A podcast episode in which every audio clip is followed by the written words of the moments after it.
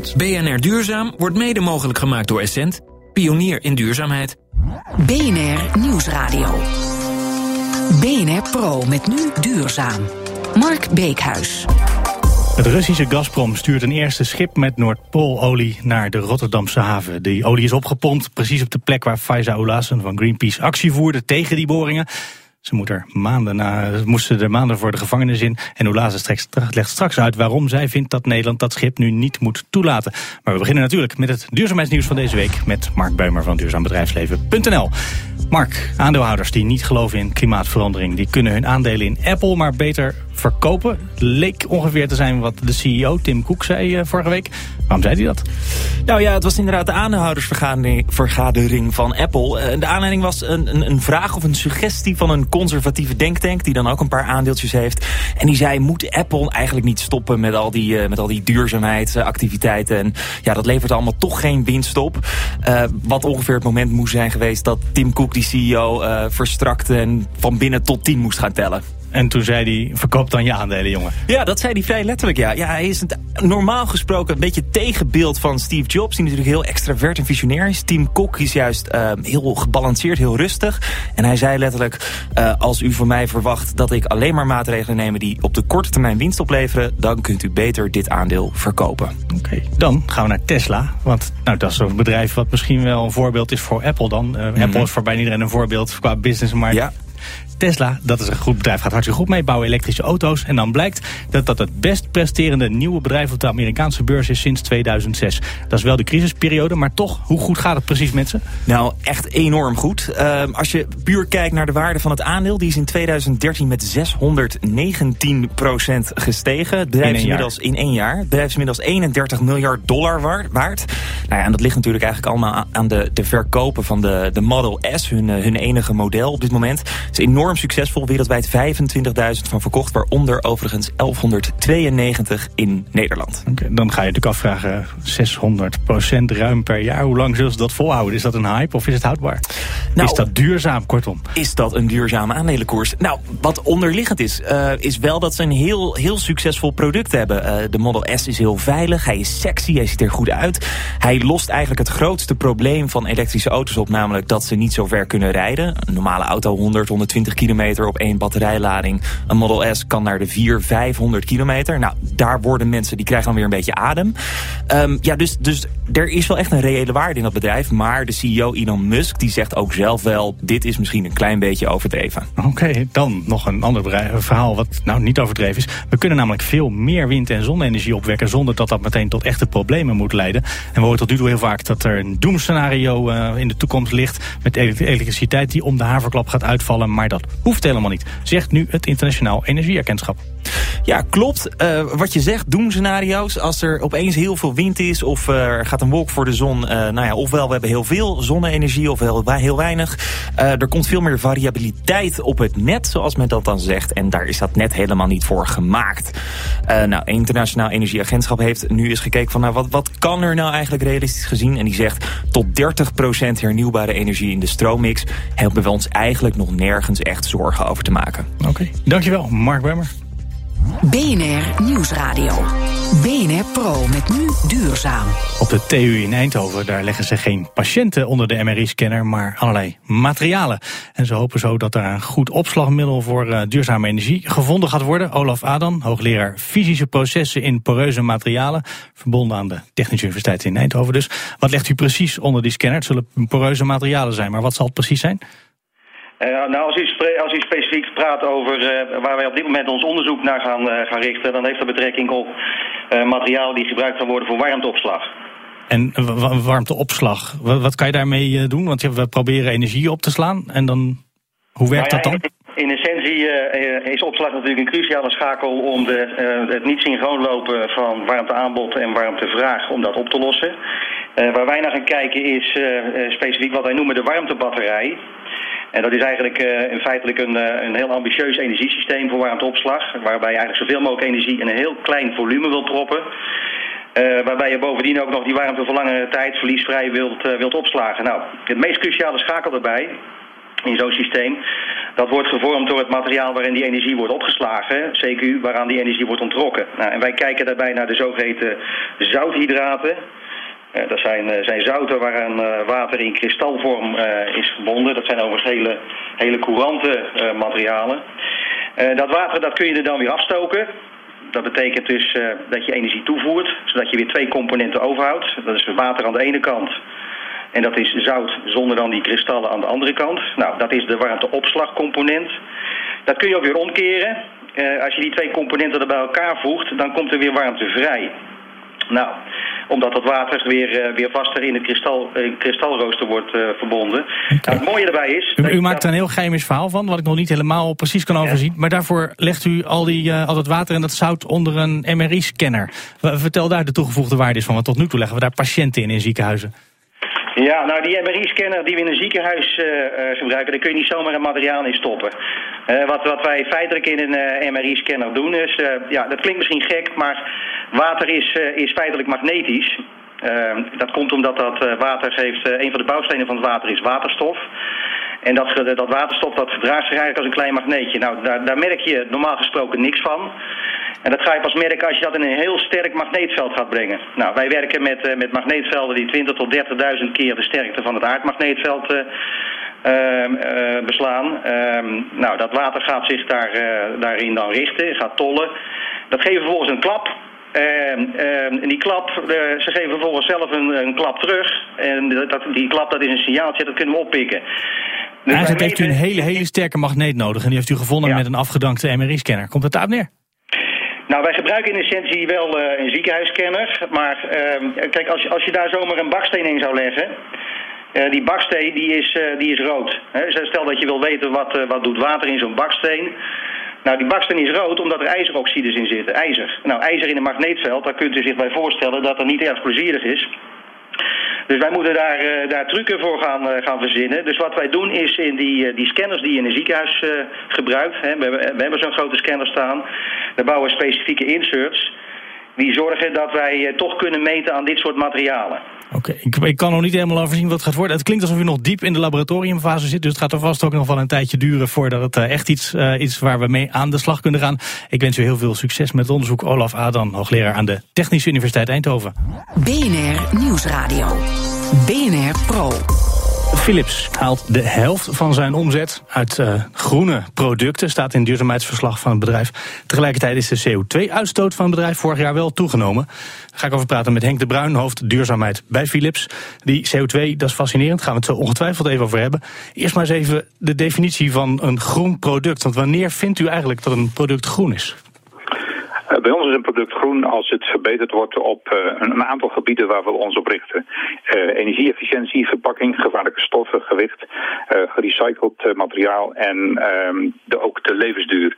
En als een product in één of meer van die gebieden zich beter gedraagt en beter is dan een voorgangerproduct of een competitor product of een, tegen een industriestandaard, dan noemen wij dat een groen product. En maakt het dan nog uit hoeveel? Of het echt half zo, uh, zoveel uh, grondstof gebruikt? Of dat, mag het ook een procentje minder zijn? Nou nee, het, wij, wij zeggen dat het ongeveer 10% het is, de, is de ondergrens als een significant getal van een verbetering. 10% is een verbetering. Waar komt die, die definitie vandaan? Die hebben wij zelf uh, al een uh, flinke tijd geleden bepaald, eigenlijk al in 1998. En op die manier sturen we dat, uh, waarbij natuurlijk de lat steeds hoger wordt gelegd. Want het vergelijkingsmateriaal waarmee we ons moeten vergelijken, um, dat, dat, dat verandert steeds. En het wordt steeds lastiger om dat te realiseren. Ja, is er een soort wedloop op gang? Zijn andere bedrijven die uw manier van denken hebben overgenomen?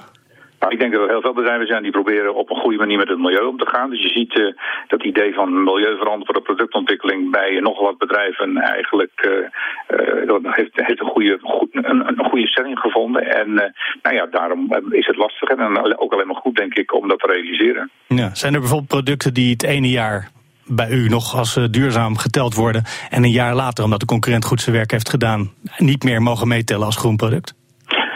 het, het, komt voor. Uh, ik, ik, kan zelf een voorbeeld geven waarbij we uh, vergelijken met onze eigen producten. Want op het gebied van verlichting bijvoorbeeld zijn we zelf in een aantal gevallen marktleider. En, uh, en vergelijkt u zich met uzelf? Dan moeten we ons met onszelf vergelijken, omdat er geen betere referentiekader is op dat punt. Ehm, en uh, ja, dan vergeleken we ons, als het gaat om ledverlichting bijvoorbeeld, met de, de, de spaarlamp. En ja, dat zijn we nu op dit moment aan het vervangen. Waarbij we dus eigenlijk naar eerdere generaties LED kijken om te vergelijken met de verbeteringen die we maken. En daardoor wordt het dus moeilijker. Ja, maar er zijn toch wel meer LED-fabrikanten in de wereld? Daar zou je zich ook mee kunnen vergelijken, toch? Ja hoor, dat zouden we ook zeker kunnen doen. Maar dat doet u niet? Dat is niet het geval. En we kijken ook naar anderen. Alleen in een aantal gevallen blijkt dat uh, als het gaat over LED, zeker op dat punt wij een van de beste zijn uh, als het gaat over energieefficiëntie. En dan kunnen we ons alleen met onszelf vergelijken. Dan valt er geen eer te behalen aan vergelijken met de concurrentie. Dat is op zich ook alweer een compliment aan uzelf. Volgens mij bent u best tevreden over hoe het gaat. We proberen altijd de lat een stukje hoger te leggen. En aangezien groene productontwikkeling uh, toch goed is voor het milieu en voor onze businessactiviteiten, zijn we daar inderdaad tevreden over. Ja, ja, precies. En tegelijkertijd, dan komen we toch weer even terug bij die CO2. Dat is fascinerend. Die is toegenomen, de CO2-uitstoot in het afgelopen jaar. Ongeveer over de volle breedte van wat uw bedrijf doet. Hoe, hoe kan dat? Dat u de helft van de producten uit groene producten haalt. En, of de helft van de omzet uit groene producten haalt. En dat tegelijkertijd de CO2-uitstoot, wat toch een soort criterium is voor duurzaamheid, dat dat juist toeneemt. Het is zo dat de CO2 totaal, de CO2-profiel van een bedrijf bestaat uit een aantal componenten. Uh, een daarvan is datgene wat er gebeurt in kantoren en fabrieken. En het andere is de zogenaamde logistieke bewegingen en wat wij doen als we over de wereld reizen voor onze business. En nou ja, dat moet je proberen goed te managen. En eigenlijk is het zo dat de goede bedrijfsresultaten van Philips, ja, die vertalen zich ook weer in het feit dat er meer logistieke bewegingen plaatsvinden. En ook meer vliegbewegingen. En daardoor is dat gestegen. En dat gaan we weer compenseren. Daar zijn we al mee bezig om ervoor te zorgen dat er meer gebruik gaat worden van schepen als we spullen over de wereld eh, neerzetten. Ja, maar als ik uw rapport goed gelezen heb, uw jaarverslag eh, voor de, de duurzaamheid, bent u iets minder producten gaan verkopen. Terwijl in absolute termen de CO2-uitstoot juist gegroeid is. En dan kijk ik nog wat verder in wat grafiekjes. Dan staat er bij de logistiek zijn we meer CO2 gaan gebruiken. Bij de zakenreizen, wat u net noemt, zijn we meer CO2 gaan uitstoten. Bij de fabrikage zijn we meer CO2 gaan uitstoten. Alleen bij de non-industrial operations en dat zijn volgens mij vooral kantoren, is het beter dan het was. Bij non-industrial operations is het inderdaad goed, maar de andere activiteiten die u net noemt, zijn het gevolg van het feit dat onze businessactiviteiten zijn toegenomen en we goede jaarresultaten hebben gehad. Dus daar komt dan toch tevreden uit, ondanks dat de CO2 iets toegenomen is? Nou, het is zo dat uh, een logistieke verandering, dat realiseer je niet snel. Uh, dus we hebben verschillende programma's, uh, bijvoorbeeld als het gaat over producten naar verre landen, naar, nou ja, althans hier van Azië of naar andere landen toe, toe brengen, om te kijken of we dat via schepen kunnen doen. En dat scheelt aanzienlijk. Maar dat is niet één op één geïnstitutionaliseerd. Nee, dat, dat duurt misschien een tijdje voor je dat georganiseerd hebt. Ik ga u heel hartelijk danken, Henk de Bruin van Philips. Dank u wel. En wat moet Nederland doen met de Noordpoololie die Gazprom naar de Rotterdamse haven laat vervoeren? Greenpeace wil een boycott. De politiek ziet dat tot nu toe niet zitten. BNR Nieuwsradio. Verstand van zaken. De eerste Noordpoololie van het Russische Gazprom komt binnenkort de Rotterdamse haven binnen. En Greenpeace wil dat Nederland het olietransport niet toelaat gaat om de olie die uh, boven wordt gehaald op de plek precies waar de opvarenden van het Greenpeace-schip, de Arctic Sunrise, werden opgepakt. En na heel veel internationale druk liet Rusland de bemanning weer vrij. De gast in de studio, Jan Vos van de PvdA, Stientje van Veldhoven van D66, maar ook Faiza Oelazen van Greenpeace, een van de opvarenden van de Arctic Sunrise, uh, vastgezeten in een Russische cel, uh, inmiddels weer teruggekomen van een vakantie daarna, volgens mij. En inmiddels schreef je ook een brief aan premier Rutte, waarin je vraagt om dat transport niet toe te laten. Daar gaan we zo uitgebreid over hebben. Maar voor iedereen die het afgelopen maanden niet gezien heeft, dat is bijna heel Nederland, hoe gaat het? Het gaat erg goed. Ik ben een, ten eerste een vrij mens. En dat is een, uh, vrijheid is een groot goed. Dat heb ik met name gerealiseerd toen ik uh, vast kwam te zitten. En uh, nu ben ik weer aan de slag gegaan. Want het Noordpoolgebied is nog niet beschermd. Dus het is nu een hele vreemde gewaarwording om hetgeen waar ik met 29 andere actie tegen heb gevoerd om stop te zetten waar we niet in zijn geslaagd, omdat we zijn opgepakt met veel geweld en agressie. Om dan nu bij terugkomst dat de olie die wij wilden tegenhouden, nu naar Nederland toe gaat komen waarschijnlijk. Ja, en dat daar, je zou kunnen denken, in zo'n cel verander je iets. Maar dat actievoeren is niet veranderd. Maar ben je iets veranderd door in wat je bij Greenpeace doet nu, door wat je daar gebeurd is? Um, dat niet dat niet. Ik ben, ik ben als persoon wel veranderd. Ik bedoel, het was een vrij heftige ervaring. En eh, zeker met 15 jaar zelf boven het hoofd. Dus je verandert als persoon. Um, ik als activist absoluut niet. Ik blijf me gewoon inzetten. En um, Ja, het werk zit er nog niet op. En ik wil niet dat mijn twee maanden gevangenisschap voor niets is geweest en daarom zit ik hier. Oké, en dan die brief. Want terug in Nederland heb je in die, die periode dat je even vrij was... Uh, een brief geschreven aan de premier. Alsjeblieft, hou dat schip tegen. En wat heeft de premier daarop geantwoord? Nou ja, dat is. Um, um, we zijn even benieuwd. Wat van de premier heb benieuwd. ik nog. Ja, van de premier heb ik nog vrij weinig gehoord. Het was nog geen brief teruggekregen, maar wat wel Wanneer zo is de brief gestuurd? Heeft hij een kans gehad? Nou, die is vorige week, zat hij, ja, 25 februari. Oké, okay, dat zat is in een kleine, kleine week, ja. Inmiddels, de, ta de tanker zit nog bij het platform van Gazprom. En die kan elk moment richting Nederland toekomen. En um, nou, er zijn allerlei redenen om natuurlijk niet naar olie te boren in het Noordpoolgebied. Het is gevaarlijk, het is afgelegen. Um, de klimaatomstandigheden zijn zo extreem, dat gaat gepaard met heel veel risico's. Nu komt die tanker met zware olie waarschijnlijk naar Nederland toe. Althans, Gazprom heeft gesproken met een aantal raffinaderijen... waaronder ook uh, raffinaderijen die in de omgeving van Rotterdam zitten. En de vraag is, wat gaat de Nederlandse overheid hier tegen doen? Er zijn genoeg redenen waarom de overheid dat zou moeten weigeren. Ja, de Nederlandse overheid heeft afgesproken... Maar de, de, de vraag, natuurlijk, je hebt een brief gestuurd aan de overheid... en de overheid ja. heeft nog niet geantwoord. Wie het ook zou kunnen tegenhouden of lastig zou kunnen maken... is de haven van Rotterdam. Heb je die benaderd? Um, nou, via uh, de Rotterdamse gemeenteraad, want we hebben de Rotterdamse gemeenteraad benaderd. En uh, daar zijn vragen over gesteld. Maar de relevante wethouder heeft al gezegd: ja, maar daar kan ik niks aan doen, daar ga ik niet over. Oké, okay, volgens mij is er in het verleden wel eens eerder iets tegengehouden nadat er wat internationale druk was. Ik probeer even te het kan, wat het ook weer was. Het kan zijn. als je Tuurlijk wil, kan het. het. Ja. Uh, maar voorlopig moet eerst dan uh, meneer Rutte maar antwoorden op die brief kennelijk nog. Um, er zitten ook twee uh, politici in de, in, de, in de studio, dus die gaan we misschien maar eens even het woord geven. Dan. Wat zou de PvdA geantwoord hebben, Jan Vos? Nou, ik weet nog dat de Rotterdamse haven heel actief is geweest toen er walvisvlees uh, werd uh, verscheept naar die haven. En toen heeft men die bedrijven daarop aangesproken en dat, dat is toen het. inderdaad geëindigd. En ik heb ze vanochtend ook even gebeld om te vragen wat nu hun standpunt hierover was. Ze hadden heel veel sympathie voor Greenpeace en de actie die er was. En ze waren ook heel blij dat uh, Pfizer hier vandaag weer uh, zou kunnen zijn. Net als de Partij van de Arbeid en ik denk bijna alle andere Nederlanders.